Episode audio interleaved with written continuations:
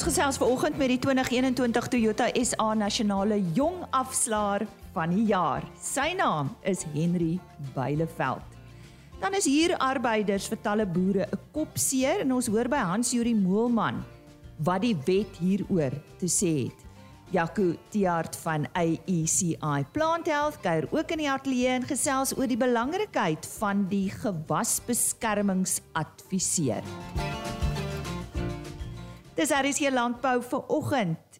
Goeiemôre, baie welkom. My naam is Lise Roberts. Ons begin met landbou nuus. Die veelbekroonde Ney Winery wat gestig is in 1963 en bekend vir hulle wit en rooi muskadelle, het tydens vanjaar se 2021 Veritas toekenninge vir hulle Mastery Sauvignon Blanc 2021 'n goue medalje verower. Hulle het onlangs besluit om met ander kultivars in die wingerd en kelder te eksperimenteer. En dit het beslis vrugte afgewerp. Die wynmaakspan het afgewyk van die tradisionele wynmaakmetode en het die Sauvignon Blanc sap vir 3 maande teen 15 grade Celsius gevries. Na die ontvriesingsproses het die wyn die normale fermentasieproses gevolg. Die 3 maande tydperk waartydens die sap teen hierdie lae temperatuur geberg is, het bygedra tot die kompleksiteit van hierdie wyn. Die Ney Mastery Sauvignon Blanc 2021 is liggoud met 'n helder groen tinte. Ons bly by nuus oor wyn. Suid-Afrikaanse wyndryfprodusente verwag 'n kleiner 2022 wyndryfoes. Dit ten spyte van 'n gunstige en gesonde groeiseisoen. So lui die eerste oeskatting wat verlede week deur die Suid-Afrikaanse wynbedryf en inligtingstelsels vrygestel is. Volgens Konrad Skutte van Winpro word 2022 se oes kleiner as 2021 se beraam, maar dit is steeds groter as die 5 jaar bedryfsgemiddeld. Streke waar wingerde meestal voor die koue weer in November geblom het, as ook die met voldoende grond en besproeiingswater, kan moontlik 'n groter oes as in 2021 afval. En slegte nuus vir die verbruikers oor tamatie en aartappelpryse. Skerp stygings. Dit kom as gevolg van erge reënval wat groot produksiestreke die afgelope 2 maande getref het, tesame met laer markvolumes wat beskikbaar is. Leiden se verklaring op Fresh Plaza het die prys van tomaties onlangs in net 1 week met 21% gestyg, terwyl aartappelpryse met 39% gestyg het. En dis dan vir eers die nuus. Ons gaan voort. Welkom by uh, hierdie week se gesprek met AECI Plant Health. Ek gesels met Jaco Tiaart. Hy's streekbestuurder van AECI Plant Health in die Oos-Kaap. En ons onderwerp vandag is die belangrikheid van 'n gewasbeskermingsadviseur. Nou Jaco, die onderwerp is op almal se lippe en dit is dat die gewasbeskermingsbedryf aansienlike veranderinge in die gesig staar. Wat is daardie moontlike veranderinge wat voorspel word? Goeiemôre. Goeiemôre Lisa. Dit is lekker om volgende met jou te kan gesels en dankie vir die geleentheid om 'n bietjie insigte te kan deel op julle program. Van die van die voorstellings is dat daar opsies soos aanlyn aankope, direkte verskaffing van 'n vervaardigers gaan plaasvind. Jou tender tipe besighede raak al meer algemeen maar daar is egter baie uitdagings in die bedryf wat eers aangespreek moet word voordat ons kan aanvaar dat hierdie soort uh, benadering die nuwe norm gaan raak. Dit gaan verskil in terme van die tipe boerdery segmente wat daar bestaan en as ek praat van boerdery segmente, almal is bewus van hierdie sogenaamde mega boerdery groepe en dan sal ook 'n segment jou klein tot medium grootte boerderye en dan natuurlik jou opkomende boere wat ook baie belangrik is. Nou dit mag wees dat jou mega tipe boerderygroepe na tender tipe benadering gaan beweeg. Um, maar ons sal moet sien, daar's baie dinge wat nog in die bedryf sal moet duidelik raak voordat hierdie veranderings die norm gaan raak soos ek genoem het. Ek dink ons almal wens ons kan die toekoms voorspel en dit maar vir ons glo ek met die fokus bly om te sorg dat ons ons boere optimaal kan help produseer om om die groeiende wêreldbevolking te kan voed en tergelykertyd moet ons almal help om om die omgewing te te beskerm. Wat is IECI Plant Health se siening oor die stelling dat die gewasbeskermingsbedryf aansienlike veranderinge in die gesig staar? Dis 'n uh, dat die industrie veranderinge in die gesig staar is nie te betwyfel nie. Maar as IECI Plant Health fokus ons baie op ons gewasadviseurs en verkoops en tegniese ondersteuning wat ons as 'n maatskappy aan hulle bied. En ons glo hierdie kombinasie verseker dat 'n professionele diens aan ons kliënte, maak nie saak hoe groot of hoe klein nie, dat ons daai diens, professionele diens aan hulle kan lewer. Ons gewasadviseurs bly egter ons belangrikste bate en ons sal daarop bly fokus om hoogs tegniese waarde toevoegende adviseurs in die veld te hê. Ons glo dat dit steeds van uiterste belang is vir die suksesvolle implementering van 'n geïntegreerde holistiese gewasbeskermingsbenadering wat onder andere grondgesondheid, optimale besproeiing en plantbeskerming insluit ons werk met produkte wat wat nadelige invloed kan hê op die omgewing, mens en dier, indien dit nie op die korrekte wyse aangewend word nie. Daarom moet ons vanaf die fabriek tot na die toediening van hierdie produk rentmeesterskap neem en die gewasadviseur speel 'n baie belangrike rol om rentmeesterskap deur te voer tot op plaasvlak. Nou ons kan nie net aanvaar dat mense produk aflewer op plase en dan terugstaan en nie verantwoordelikheid neem vir daardie produk of aanbeveling nie. Nou hoekom is die gewasbeskermingsadviseur belangrik vir die boer en en watter waarde bring hy of sy plaas toe? Dis dis dis altyd die groot vraag van boere se kant af en ons as 'n bedryf vra ook hierdie vraag op 'n redelike basis vir onsself, jy weet. So in terme van die belangrikheid vir die boer, help die gewasadviseur die boer om ingeligte besluite te kan neem wat op 'n wetenskaplike basis geformuleer is. Um, ons het gepraat van die moontlike veranderinge in die bedryf. Maar wat gaan gebeur as elke vervaardiger nou eerskielik direk op boere se deure gaan begin klop? Het 'n klomp afsonderlike aanbevelings wat alles in een tank moet ingaan, jy weet, en, en wie gaan dan verantwoordelikheid neem indien daar 'n fout kom op op een van daai aanbevelings?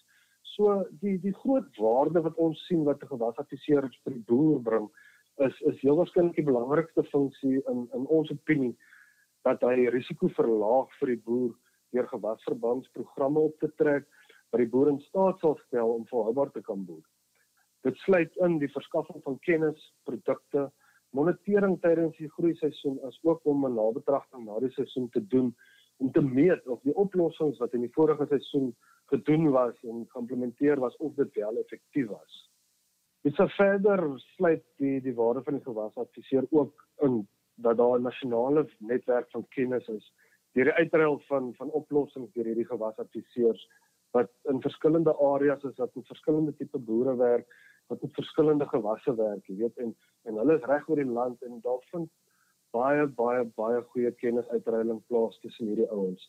Um die gewasadviseur se grootste doel wat eintlik ook wat ons moet in ag neem moet wees om maksimum groei op investering van die boer se geld te verseker sodat elke rand wat die boer spandeer maksimum wins kan realiseer wanneer die boer sy oes verkoop.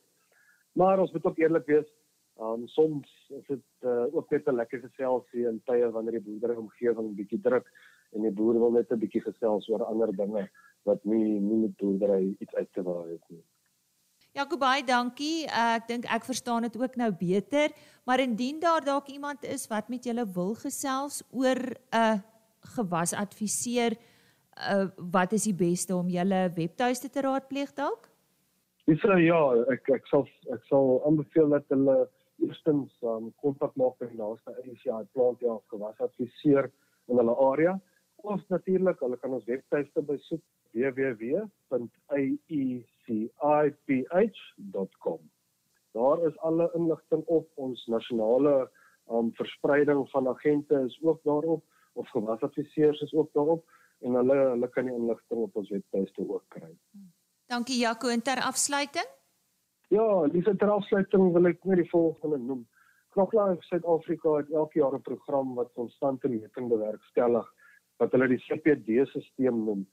Dis basies konstante professionele ontwikkeling van ons gewasadviseurs en in die alle geregistreerde gewasadviseurs moet voldoen aan 'n sekere kriteria dit werk op 'n puntestelsel en jy kry punte vir 'n minimum aantal ure wat jy moet bywoon vir gefokusde opleiding soos byvoorbeeld produkopleiding, tegniese adviesopleiding, veilige hantering van chemikalieë ensovoorts. So ek wil ek wil graag vra dat alle gewasadviseurs daar buite binne die regulasies en die raamwerk van CropLife Suid-Afrika verantwoordelik sal optree en regtig sal fokus op ware toevoeging tot die boer se besigheid. Ons boere is uiters belangrik vir ons en en ons moet alles in ons vermoë doen om hulle volhoubaar te laat boer. En so sê Jaco Tiart donderdagoggend op RSG Landbou gesels ons juis met Elrisa Tron van CropLife Suid-Afrika oor hierdie onderwerp waarmee Jaco nou afgesluit het. Jaco Tiart, streekbestuurder van AECI Plant Health in die Oos-Kaap wat vandag met ons gesels het oor die belangrikheid van 'n gewasbeskermingsadviseur. Net via AECI Plant Health se webtuiste. Dit is www.aeciph.com.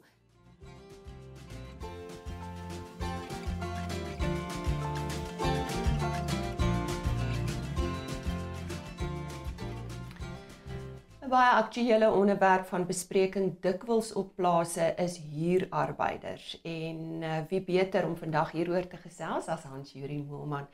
Jy het nuus vir ons hieroor.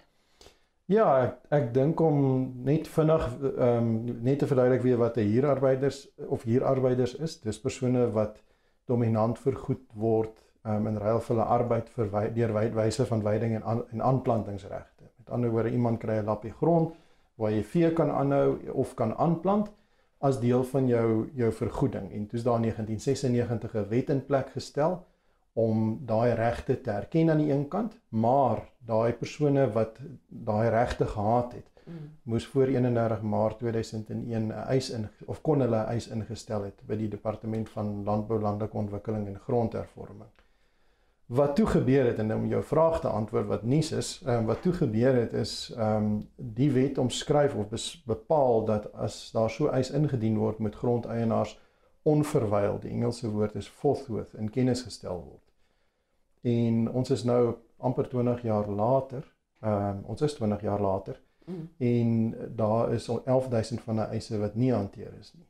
En as gevolg daarvan het uh, van die van die eisers wat destyds eise ingedien het hierso 3 2 3 jaar terug die grondwetlike hof genader en gesê maar die departement doen nie wat hulle moet doen nie. Ehm um, en hulle het vir die grondwetlike hof, eers vir die grondhuise hof, toe die appelhof en die grondwetlike hof gevra om 'n spesiale meester aan te stel onder toesig van die hof om hierdie hele proses rondom huurarbeiders eise of die 11000 eise wat nog nie afgehandel is nie af te handel binne 'n sekere tyd. Die effek daarvan is dat baie grondeienaars nou ehm um, toenemend begin in kennis gestel word van hierdie eise en dan word grondeienaars gekonfronteer om daarop te moet reageer. En ek dink dit is die belangrike deel om daarvan kennis te kry is dat dit in die in die gebeur is en dat wanneer dit gebeur dat 'n mens behoorlik behoorlike advies kry, behoorlike mm. ondersteuning mm. kry om daar op die korrekte wyse te reageer. Dit mm. raak 'n ingewikkelde oefening want dit die hof moet twee ondersoeke doen om te bepaal of 'n persoon 'n eis het. Een is om te bepaal of die persoon 'n huurarbeider is. Was daar 'n historiese verbintenis tussen die grondeienaar waar veiding en aanplantingsregte dominant die vergoeding was? Ehm um, dis 'n ingewikkelde oefening. Dat ons gebruik gewoonlik waardeerders om om ons te help daarmee. En dan die tweede deel is om te bepaal of daai eis geldig ingedien was. Ehm um, met ander woorde voor voor die afsnydatum um, van 31 Maart 2001 en ek weet die departement het nogal redelike stryd op die oomblik want van die oorspronklike dokumentasie um, van daai eise wat klaarblyklik aanvanklik ingedien is het verlore geraak. Mm. En dis krities belangrik om te bepaal of daai eis geldig is want daar moet 'n datumstempel wees op die op op die dokumente. Ehm um, en ons het al snaakse goed gesien, data kodes wat um, 'n eenvoudige ding, 'n uh, 'n pos of 'n telefoonkode of 'n fakskode ehm um, wat op op datumstempels verskyn wat nie vers, nie bestaan het voor 31 Desember 98 nie. Dis maar tegniese goed waarop hou agterkom, maar daar's op het ongelukkig sulke sulke gevalle. Ehm um, maar die belangrikste is dat grondeienaars kennis dra van hierdie eise en dat ehm um, hulle waarskynlik in kennis skriftelik in kennis gestel gaan word en dan het hulle 'n maand om daarop te reageer. As hulle nie daarop reageer nie, ehm um, gaan die die ehm um, departement die saak grondeise hof toe, dis in Randburg verwys en dan gaan dit bereg word en dan gaan die hof moet bepaal of daar aan al hierdie vereistes wat ek nou-nou van gepraat het of daar daaraan voldoen. So hoe lank gaan dit vat om al hierdie sake te hanteer? Jy het gesê hulle wil dit graag doen, maar ek bedoel ons moet realisties wees. Dit is 'n goeie vraag. Ehm um, ek die die feit dat daar 'n spesiale meester aangestel het, behoort stiekrag aan dit te gee. Ou mense het gesien dat daar 'n bietjie meer proaktief daaraan gewerk word. Ek dink is belangrik dat dit hanteer word. Ehm um, nie net om die eise afgehandel te kry nie, maar ook om die onsekerheid wat dit skep vir grondeienaars. Ehm um, dit afgehandel te kry, want dit skep 'n bepaalde groot uitdaging. Ehm um, ek dink een van die mislukkings van daai wet is die feit dat dit vir mense 'n eis gegee het om 'n stukkie onvolhoubare of onproduktiewe grond te moet kry um, in die middel van produktiewe landbougrond. Mm. Dit eh, dit is dis hoogstens bevorderlik vir 'n bestaansboerdery, maar dit sny letterlik um klein stukkies grond van bestaande landbougrond af mm. om dan oor te dra aan die eisers. En ons het in 1970 gewet gehad, die wet op en hy's teen teen hy's nog steeds in plek. Jy weet op onderverdeling van landbougrond wat juis geskryf is om hierdie afsny van grond in klein stukkies teen te werk. Ehm um, dit het nog gekom in die ou dae wat kinders geërf het by hulle oupas mm, en mm. en dit letterlik die klein kinders hoe meer kinders en hoe meer klein kinders daar is hoe meer stukkies grond het daar ontstaan. En nou sit ons met hierdie wet wat amper die teenoorgestelde in in die teenoorgestelde rigting werk. Ehm um, en ek dink daar's die staat dit is een van die redes hoekom die staat dit so lank gelos het want ek dink hulle het agtergekom dis een om vir mense grond te gee, maar is 'n totale ander oefening wanneer jy vir mense grond moet gee en hulle moet in staat stel om effektief en produktief daarop te boer. Anjuri, dink jy die plaas eienaars is bewus van sake wat wat van hulle op toepassing is? Dink dink jy daar's van hulle wat nie eers bewus is hiervan? Ek dink daar's van hulle wat nie eers bewus is hiervan nie. Ek dink hulle word van as jy in kennis gestel word, is jy raak jy bewus daarvan. Ehm um, maar meeste grondeienaars is nie en in die baie kere daag mense met ons op met die dokumentasie dan het hulle geen idee waaroor dit gaan nie.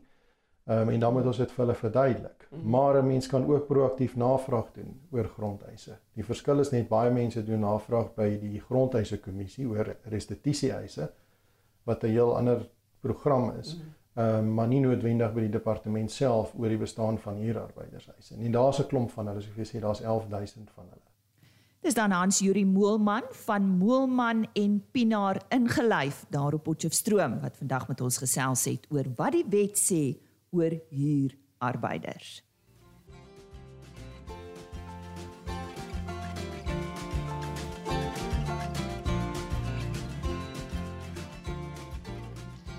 Ek verwelkom graag vandag die uh, 2021 Toyota SA nasionale jong afslaer van die jaar. Vir die wat nie weet nie, hy is daar van Limpopo van Bella Bella se omgewing en sy naam is Henry Beileveld. Henry, welkom. Baie dankie. En baie geluk. Dis reg, baie dankie. Ons was so opgewonde toe ons daai uitslaa moes bekend maak. Baie baie geluk. Hoe lank neem jy al aan uh, hierdie spesifieke kompetisie deel? Nou 3 jaar. 3 jaar. 3 jaar. Ja. En uh, wat het jy van jaar tot jaar by die kompetisie geleer? Want dit is mos maar 'n 'n paadjie wat jy stap. Ja, ehm um, die beste ding wat ek geleer het is maar altyd want elke jaar dan gaan deel neem en dan kom jy nou tweede of laaste of wat ook al so aanhouer wen. En dan leer dit jou ook bietjie om uit jou ongemaklike sone uit te kom om bietjie in 'n ander rigting in te gaan, ja. Ja, ja. Ja, want ons werk gewoonlik met 'n verhoog en alles en daar's nie 'n verhoog nie, so ja. En uh hoe die kompetisie jou gehelp om jou loopbaan as afslaer te begin?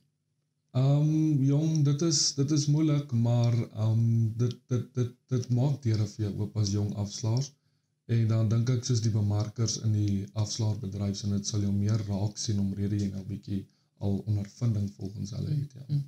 So jy is nou 'n afslaer. 'n ja. volwaardige ja. afslag. Ja, ja. Waar? By Andre Koggend se in Limpopo. Ja. En hoe ervaar jy dit? Lekker. Is dit wat jy wil doen? Ja, dit is 'n baie lekker bedryf. Ja, ja, ja. Wat is 'n goeie afslaer? Wat maak 'n goeie afslaer? 'n Goeie afslaer wat jou 'n goeie afslaer maak is um jy moet jy moet jou mark ken. jy moet jou mark ken so jy moet weet wat jy opveil, wanneer jy dit opveil en jy moet weet wat sy waarde. Die ander ding is die verhouding tussen jou en die kliënt as afslaer en sy kliënt en ook die verhouding met sy bemarkers. Dit maak jou 'n goeie afslaer. En die manier hoe jy dit doen, is dit maak dit nie ook verskil nie. Ja, jy moet professioneel wees, ja. Ja, ja. ja. Bietjie tegniek. Tegniek ook, ja. So waar waar vertel vir my, verduidelik vir my wat is wat is goeie afslaerstegniek? Tegniek is soos wat ek vir jou gesê het, is jy moet met jou kliënte kan werk, Ja. so jou kopers, Ja. vir al jou kopers, so jy moet hom kan opsite en vir hom sê kom, geval nog 'n bietjie daai ekstra R50 uit Ja. of daai ekstra en dan jou verkoper moet jy nou kan oortuig dat dit 'n goeie prys Ja. is as dit 'n goeie prys is en alles so ja. Jou stem en jou oë kontak, is, is daar 'n geheim? Daar is ja, jy moet jy moet jou stem op optrek as jy nou as jy nou soos die kliënt nader trek en jou oogkontak moet daar wees en alles ja. Mm, Jy moet met hom praat met jou oë. Jou beginjare, was dit maar iets moeiliks geweest? Waar het jy geleer? Ek het by South African College of Auctioneering geleer. En ehm um, ja, dit was maar moeilik geweest in dit en um, want elke afslag dink dit gaan oor vinniger jy praat aan die begin. Maar na 'n tyd dan kom jy agter dit gaan nie daaroor, dit gaan net eintlik oor om die beeste of die bokkenskape te skuif. So dit is eintlik maar waar. Nou jy en die vorige wenners, ons het vir Henny en vir JP gaan volgende jaar hopelik by Calgary deelneem. Hoe dink jy vergelyk ons afslaers met die van ander lande? Ek dink ehm um, veral as jy nou kyk na Calgary en ehm um, Val Texas en daai ander wêreld ook net. Hulle afslaers sal ek sê is bietjie hoër as ons afslaers want ek dink hulle het bietjie meer ondervinding Mm. as ons. By ons is dit maar ek meen die vroeë jare en dit was dit jy het, jy het geleer opvuil en jy het afslaer geword. Nou is dit al bietjie kursus loop en dit so ja, ek dink hulle is Ja. bietjie hoër as ons. Nou ons gaan nou vir uh Henry vra om vir ons 'n denkbeeldige skaap of bok of bees op te veil. Wat het jy gekies? 'n Bees. 'n Bees. Ja. Nou toe staan op, kry jouself reg dat ons kan hoor. Okay, so op lot nommer 1 gaan ek vir julle 'n uh, Bonsmara koei verkoop. Dis 'n baie mooi koei. En um, ons sê sommer dit is 'n slagkoei, so sy is vet en dan gaan ons sê, "Right meneere, kom ons gaan gentlemen, tiger away daardie koetjie, 450, 450 kilos, let's go. Hit 10000 en nagere 10000 en 250 nagere 5 en nagere 10 5 no 750, 11000. 11000 rand en nagere 11000 selling 11000 almal 11000, 11000 almal klaar almal uit all out and done. 11000 rand, 11000 rand. Dit was redelik goedkoop. Ja, ons moet maar 'n slagkoei wees kommersieel. Nou ja, Henry baie dankie, baie sterkte en ek hoop regtig jy en jou vorige medewenners kom volgende jaar uit waar jy eintlik wil wees. Dis reg, baie Ja, dankie. ja. So sê Henry Beileveld, hy is vanjaar aangewys as die 2021 Toyota SA nasionale jong afslaer van die jaar. Ons het gekom aan die einde van vandag se program. Nou môreoggend gesels ons met Agmat Brinkhuis. Agmat Brinkhuis is van Chamomile boerdery daar op Filippi naby Kaapstad. Nou hulle is aangewys vanjaar as SA Landbou skrywer se nuwe toetreder van die jaar. Moenie hierdie onderhoud misloop nie. Baie waardevolle bydrae van hierdie boer. Groot gedeelte van die program word môre gewy aan sy onderhoud. Maar dan is daar ook 'n spesiale boodskap van die minister van Landbou in die Wes-Kaap en ook 'n gereelde op RSG Landbou, Dr. Ivan Meyer. Dis dan môreoggend 5uur op RSG Landbou. Ons webtuiste vir 'n weer luister na van die onderhoude is www.agriorbit.com. Daar word die onderhoude afsonderlik gelaai. Kyk net bo aan die bladsy onder podcast en dan RSG Landbou. Dis agriorbit.com. Die volledige program natuurlik ook op die RSG webtuiste as potgooi en dan ons e-posadres om jou af te sluit. RSG Landbou by plaasmedia.co.za. Totsiens. RSG Landbou is 'n plaas media produksie met regisseur en aanbieder Lize Roberts en tegniese ondersteuning deur Jolande Rooi.